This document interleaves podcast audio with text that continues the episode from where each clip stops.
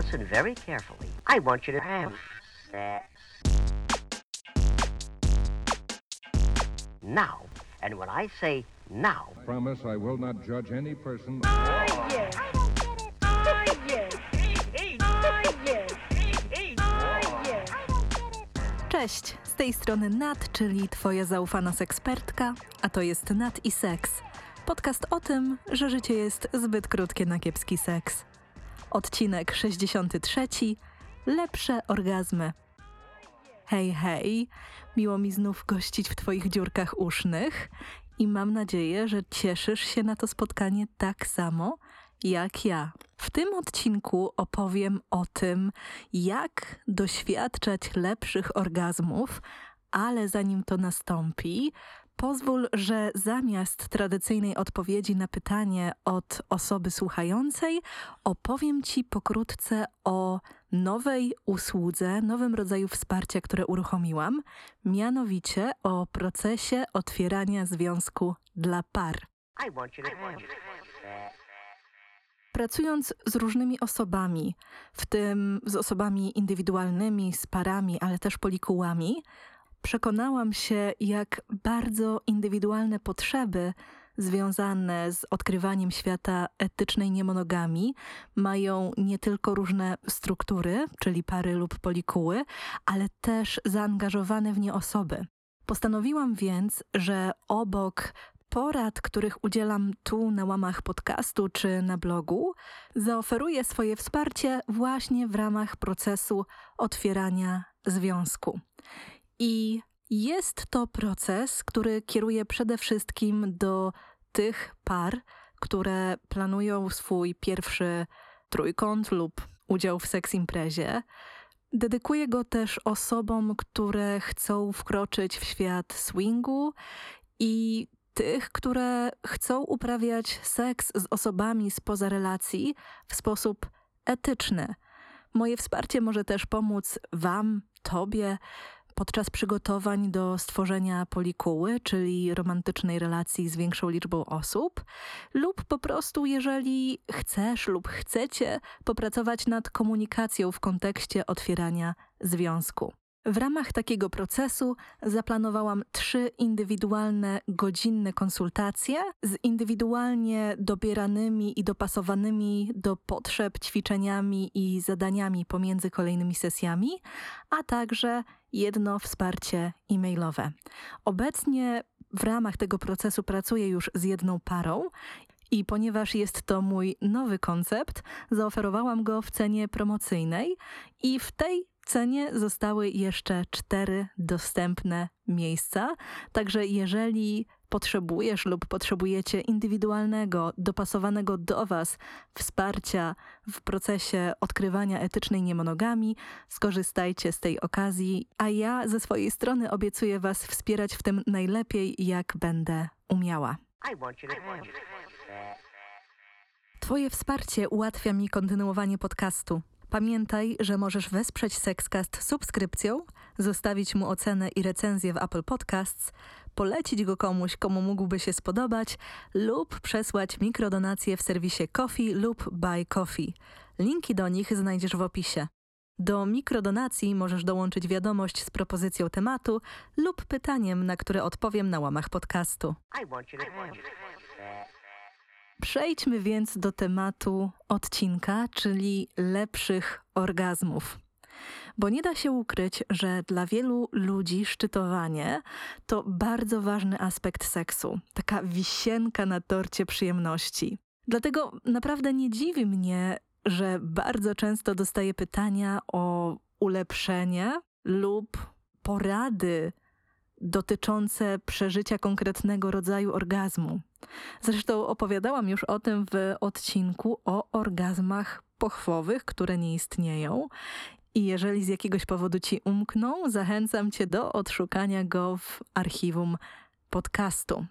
Co zauważyłam, co jest takim punktem wspólnym dla wielu próśb o pomoc, to to, że coś co jest rozkosznym aspektem seksu, czyli właśnie szczytowanie, bardzo często wiąże się z poczuciem lęku, niepewności, zestawianiem sobie pytań, czy moje orgazmy na pewno są tak mocne i częste, jak mogłyby być, czy następują w odpowiednim momencie, czy czegoś przypadkiem nie przegapiam, gdy masturbuję się lub uprawiam seks w określony sposób. I kiedy czytam takie wiadomości, to zdaję sobie sprawę, że, a właściwie to fantazjuję, że na świecie jest sporo osób, które chciałyby zoptymalizować swoje orgazmy, tak jak pewnie optymalizują inne obszary życia, na przykład pracę, sen, trening, cokolwiek innego.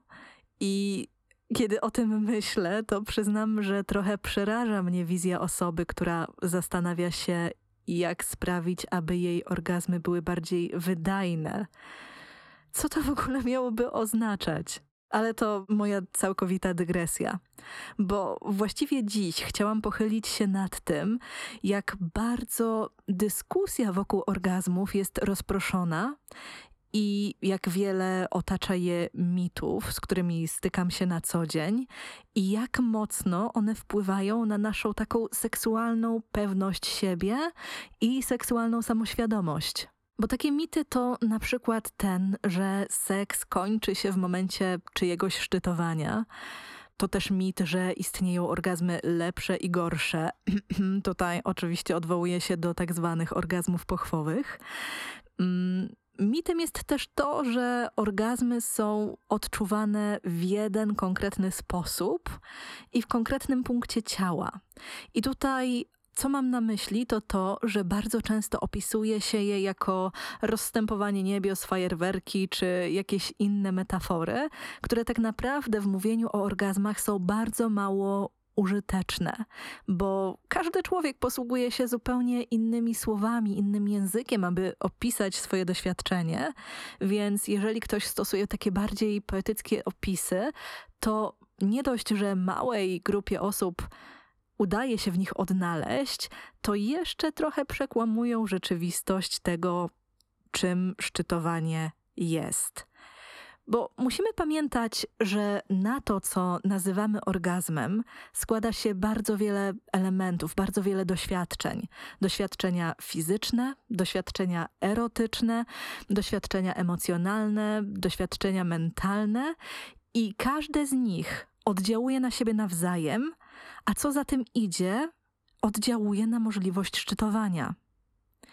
I oczywiście proporcje ważności tych elementów, elementu fizycznego, erotycznego, emocjonalnego i mentalnego, będą rozkładały się inaczej dla różnych osób. I tutaj też ważne jest to, że każdy człowiek nada tym elementom inne znaczenie. Bo weźmy na przykład ten element emocjonalności. Dla jednej osoby tym, co sprawia, że z łatwością przeżywa orgazm, jest na przykład głęboka więź, głęboka miłosna więź, podczas gdy dla innej będzie zupełnie odwrotnie, czyli przeżywanie szczytowania będzie dla niej możliwe wtedy, kiedy tego uczucia nie ma. I tutaj oczywiście odwołuję się do poprzedniego odcinka o frajseksualności, do wysłuchania którego bardzo serdecznie Cię zachęcam, jeżeli to jeszcze przed Tobą. Czym zatem jest orgazm? Orgazm tak najbardziej podręcznikowo i łopatologicznie to szczytowy punkt przyjemności i seksoerotycznego doświadczenia, które może wystąpić zarówno w wyniku autostymulacji, jak i pieszczot doświadczanych ze strony innego człowieka. I tutaj od razu dopowiem, że oczywiście doświadczanie orgazmu wcale nie musi wymagać dotyku żeby oczywiście zostało to zrozumiane, bo są osoby, które szczytują w wyniku fantazji, podczas snu, podczas wykonywania ćwiczeń oddechowych czy pobudzania słowami. I nie da się ukryć, że każdy człowiek i każde ciało ma potencjał, aby coś takiego przeżyć, czyli aby przeżyć ten szczytowy moment seksuerotycznego doświadczenia. Jednak waga, którą w mojej ocenie przykłada się do orgazmów, często jest po prostu zbyt duża, bo przecież to, że ktoś przeżył orgazm, nie oznacza, że doświadczenie intymności było dla niego przyjemne, było dla niego w pełni nagradzające. I tutaj od razu dodam, że nie chcę, by moje słowa zabrzmiały tak, jak gdybym ogłaszała, że orgazm jest nieważny, bo zdaję sobie sprawę, jak frustrujące może to być dla osób, w szczególności dla osób, które na przykład mają trudności ze szczytowaniem lub dla których pod przeżywaniem orgazmu, pod możliwością przeżywania orgazmu kryje się coś ważnego. Na przykład to doświadczenie jest dla niej symbolem tego, że drugiej osobie zależy na jej przyjemności, że o nią dba, że dostrzega ją i jej pragnienia. Natomiast nie da się ukryć, że orgazmy nie są jedynym powodem, dla którego ludzie decydują się na seks solo lub partnerowany. Bo u osób, z którymi pracuję i gdy zajmujemy się kwestią orgazmów, właśnie zauważyłam, że często trudność ze szczytowaniem lub pragnienie szczytowania, pragnienie szczytowania lepiej, pojawia się, gdy coś stoi na przeszkodzie między daną osobą, a możliwością takiego odprężenia się, wystarczającego odprężenia się, aby można było naprawdę zanurzyć się w tym seksoerotycznym doświadczeniu, aby być w nim tu i teraz. Bo taką osobę jak najbardziej mogę przeprowadzić przez proces edukacyjny, opowiadać jej o strefach erogennych, pokazywać możliwe techniki stymulacji i tego, jak może je wykorzystać. I tutaj od razu dopowiem, że to pokazywanie to albo sięganie po moje pomocy naukowe, albo po prostu korzystanie z plansz, czy oczywiście za zgodą osoby, z którą pracuję, używanie filmów edukacyjnych. Natomiast mogę od razu powiedzieć, że nawet jeżeli ta osoba ma wiedzę, to ona mało się przydaje, gdy hamulec na poziomie emocji i głowy jest zaciągnięty na tyle mocno, że kompletnie uniemożliwia skorzystanie z tych zasobów i z tej wiedzy. I wówczas trzeba zająć się właśnie tym hamulcem. Trzeba mu się przyjrzeć, trzeba zobaczyć, co leży u jego podłoża. Bo z jednej strony, oczywiście, pieszczenie własnego ciała czy cudzego ciała to umiejętności, których można się nauczyć, które można rozwijać, które można eksplorować. I tutaj właśnie wchodzą te wszystkie techniki, ale z drugiej strony nie zapominajmy, że tutaj jest też głowa, której z jakiegoś powodu trudno obrać kurs na przyjemność. Trudno na przykład włączyć tę ciekawość, która jest potrzebna, aby korzystać, aby te umiejętności rozwijać. No bo w tej głowie dzieją się naprawdę różne rzeczy. I czasem jest to brak edukacji, czasem są to różne uwewnętrznione przekonania, czasem są to też historie bardzo trudnych przeżyć i nadużyć. I to właśnie nimi zajmujemy się podczas konsultacji i procesów, nawet jeżeli osoba na wstępie przychodzi z takim pomysłem, że podczas najbliższej godziny nauczy się jakiejś nowej, ciekawej techniki, a tutaj okazuje się, że mamy naprawdę bardzo dużo do zaopiekowania. I to są wszystkie te sytuacje, w których ktoś przychodzi z seksem jako głównym tematem rozmowy, a okazuje się, że jakieś trudności, których doświadcza, Mm, to tylko objaw, a łagodzi ten objaw zaopiekowanie się przyczyną. Jeżeli jednak słuchasz tego odcinka po to, aby dowiedzieć się czegoś więcej na temat lepszych orgazmów i kwestie głowy i emocji masz zaopiekowane, to absolutnie nie chcę zostawić cię w poczuciu frustracji, że zastosowałam jakiś clickbaitowy tytuł i nie dostarczyłam tego, co gęste. No to teraz o lepszych orgazmach bo one rodzą się tam, gdzie mamy gotowość zainteresować się przyjemnością i tam, gdzie pozwalamy sobie na budowanie podniecenia. Bo zapewniam cię, że szczytowanie naprawdę nie musi być i nie powinno być obszarem frustracji i stresu, bo one najczęściej pojawiają się wtedy, gdy orgazm jest Twoim celem. I osobie, która ma w ten sposób ustawiony cel, trudno jest być ze swoją przyjemnością tu i teraz, bo osoba taka cały czas wybiega myślami do tej przyszłości, w której orgazm jest. Czyli cały czas podczas jakiejś bliskości, podczas jakiejś stymulacji zastanawia się, czy to mnie doprowadzi do orgazmu, kiedy, zamiast po prostu zaciekawić się tym, co dzieje się w danym momencie. I w takiej sytuacji proponuję rozpoczęcie myślenia o orgazmie, o szczytowaniu, jak o bonusie, jak o przyjemnym skutku ubocznym reakcji fizjologicznej, która po prostu jest i która może wystąpić. I jest to szczególnie ważne w pracy z parami, bo zdarza się tak, że jedna osoba czuje presję szczytowania po to, by ta druga była zadowolona, by jej wysiłek został nagrodzony. I wtedy nasza praca polega nie tylko na rozpakowywaniu, co ten orgazm dla nich oznacza, ale też wówczas proponuje takie rozwiązania i takie techniki, jak na przykład Sensate Focus. I jeżeli chcesz się z nią zapoznać, bo to jest technika ułatwiająca odbudowywanie intymności między kochankami, to zachęcam Cię do przeczytania artykułu na jej temat, który podlinkuję w opisie odcinka. I want you to have that. I znowu skręciłam, ale już wracam do lepszego orgazmu. Co więc możesz zrobić, aby szczytować lepiej?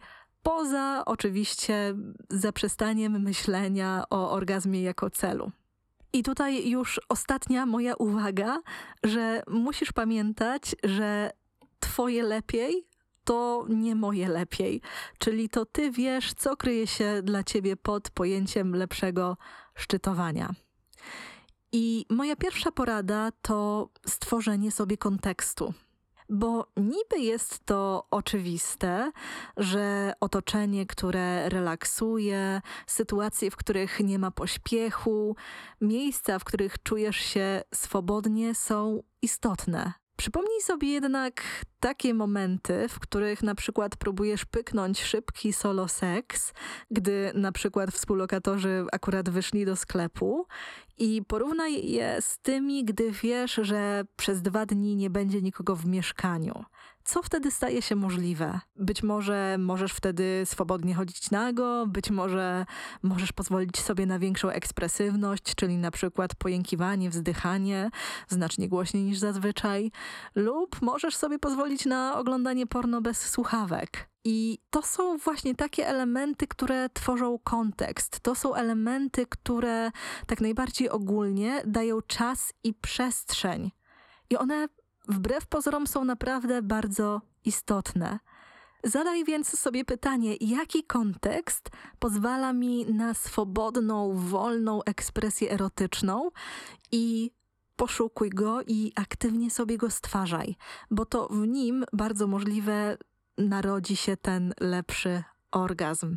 Moja kolejna wskazówka to rzucenie wyzwania stylowi pieszczot. Jeżeli masz tendencję do ograniczania swojego repertuaru jedynie do takich rodzajów stymulacji, co do których wiesz, że działają, rozszerz go. Bardzo często powtarzam, że jako ludzie jesteśmy leniwi. I nie tylko w takich obszarach czysto życiowych, ale też seksualnych. Bo jeżeli wiemy, że coś działa, nie chce nam się sięgać po coś, co ma 50% szans okazania się nieskutecznym. Dlatego moja propozycja jest taka: raz na jakiś czas spróbuj dać sobie bana na to, co działa zazwyczaj, i próbuj innych stylów stymulacji. I na przykład, jeżeli zazwyczaj do pieszczot, do stymulacji używasz gadżetów, pieść siebie lub poproś o pieszczoty wyłącznie rękami. Jeżeli używasz tylko rąk, spróbuj ocierania się o nowe powierzchnie lub ciało drugiej osoby lub gadżet. I, i tak dalej. Przyglądaj się wtedy reakcjom swojego ciała, okaż im zaciekawienie i spróbuj podążyć za swoją fantazją bez oceniania. Zdaję sobie sprawę, chyba znacznie lepiej niż wiele osób, że na logikę różne aktywności mogą wydawać się absurdalne, na przykład właśnie takie ocieranie się o przedmioty czy o meble. I gdy o nich myślisz, często może wkradać się w nie element oceny. Bo tak, ujeżdżanie pod łokietnika fotela jest dość osobliwe, jest dziwne i może powodować pewne zakłopotanie. Natomiast zauważ, że będąc w sytuacji, w której nikt na ciebie nie patrzy, tak naprawdę co ci zależy? Jeżeli coś ci się nie spodoba, możesz z tego zrezygnować. I tutaj taka moja uwaga co do kontekstu, bo zauważmy, że jeżeli jesteśmy w stanie totalnego braku podniecenia, zainteresowania jakąkolwiek ekspresją seksualną, gdy myślimy o pewnych aktach, możemy postrzegać je nie tylko jako dziwaczne, ale czasami nawet jako odrobinę obrzydliwe. Natomiast zauważmy, że bardzo często w momencie, gdy już jesteśmy w tym stanie wysokiego podniecenia, robimy pewne rzeczy. Robimy te rzeczy, które w cudzysłowie na sucho są mało pociągające. Dlatego tak ważne jest podążanie za swoim zaciekawieniem zarówno w takim obszarze eksploracji i planowania, no właśnie już użyję tego sformułowania na sucho, jak i podążanie za swoim zaciekawieniem, za swoim pożądaniem już w akcji. Moja kolejna porada jest taka, że jeżeli zazwyczaj albo zawsze towarzyszą ci jakieś pomoce, na przykład pornografia, opowiadania, audioerotyka, wyeliminuj je lub zamień na inne medium. Nie musisz mieć wyłącznie jednego rytuału prowadzącego do orgazmu i zapewniam cię, że możesz mieć ich wiele. Dlatego jeżeli twój cykl solo przyjemności zazwyczaj wygląda tak, że odpalasz sobie film, mm, pojawia się podniecenie i na bazie tego podniecenia masturbujesz się, spróbuj inaczej. Spróbuj na przykład użyć swojej fantazji, spróbuj sięgnąć po literaturę czy coś innego. Kolejny sposób na przeżywanie lepszych orgazmów to zrobienie sobie sesji mapowania przyjemności. Więcej na ten temat nie powiem, tylko po prostu odeślę Cię do odcinka podcastu właśnie z nagraniem tego procesu. Podlinkuję ten odcinek w opisie i kiedy go włączysz, mój głos poprowadzi Cię przez proces mapowania przyjemności. Co idzie za mapowaniem przyjemności, to również mapowanie genitaliów. Więcej na ten temat przeczytasz w artykule, który też znajdziesz w opisie odcinka. Moja kolejna porada to pochylenie się nad elementami erotyzmu, emocji i myśli. Czyli tak jak wcześniej wspominałam, że na orgazm składają się przeżycia fizyczne, erotyczne, emocjonalne i mentalne, to tutaj nie skupiaj się wyłącznie na tym, co fizyczne, tylko właśnie na tych trzech pozostałych aspektach. Zastanów się, co tutaj jest dla ciebie istotne co sprawia, że dostrzegasz w sobie erotyczny potencjał, co cię inspiruje, co inspiruje cię do poszukiwania przyjemności. Zastanów się, jakich emocji chcesz i potrzebujesz doświadczać podczas seksu solo, jak i partnerowanego. Co pozwala ci w tych obszarach czuć wolność szczytowania? Co chcesz, aby działo się w obszarze Twoich myśli? Tutaj mogą się pojawić naprawdę różne pomysły, od wolnej głowy poprzez właśnie jakąś uczuciowość, więc daj sobie naprawdę taką solidną chwilę czasu na autorefleksję i poznanie się również od tej strony.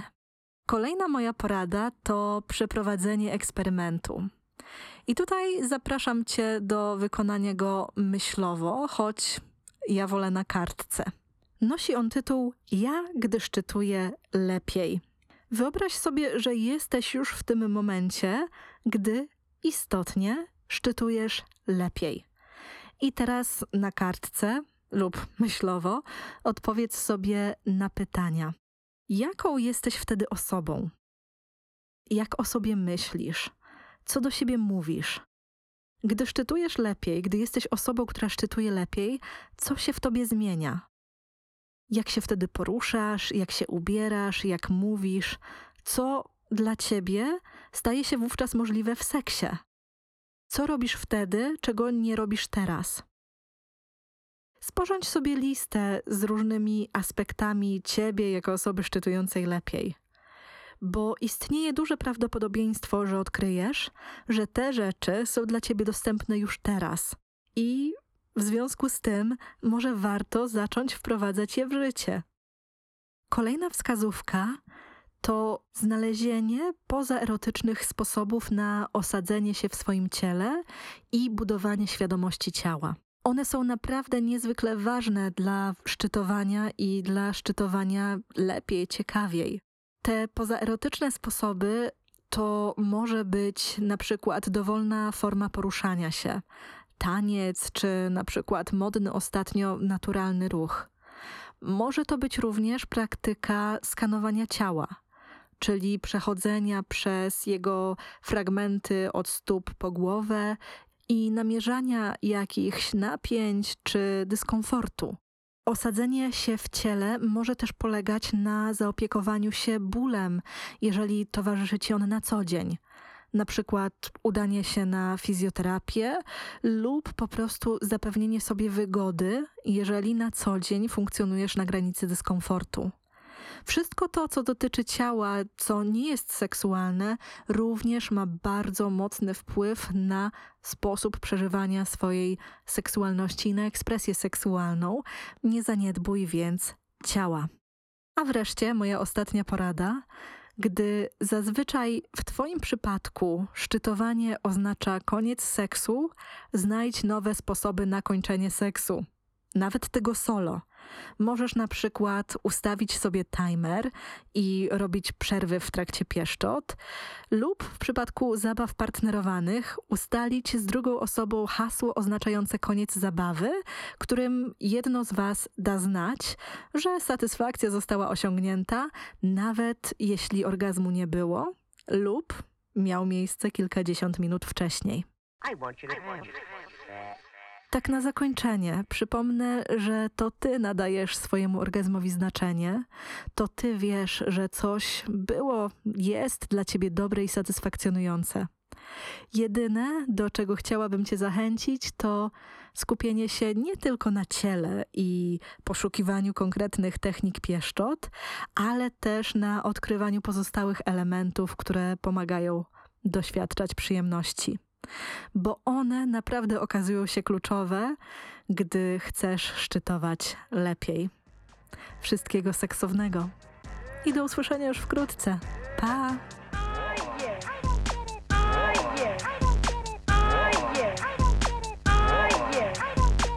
So it's very important and very fun also to. Now,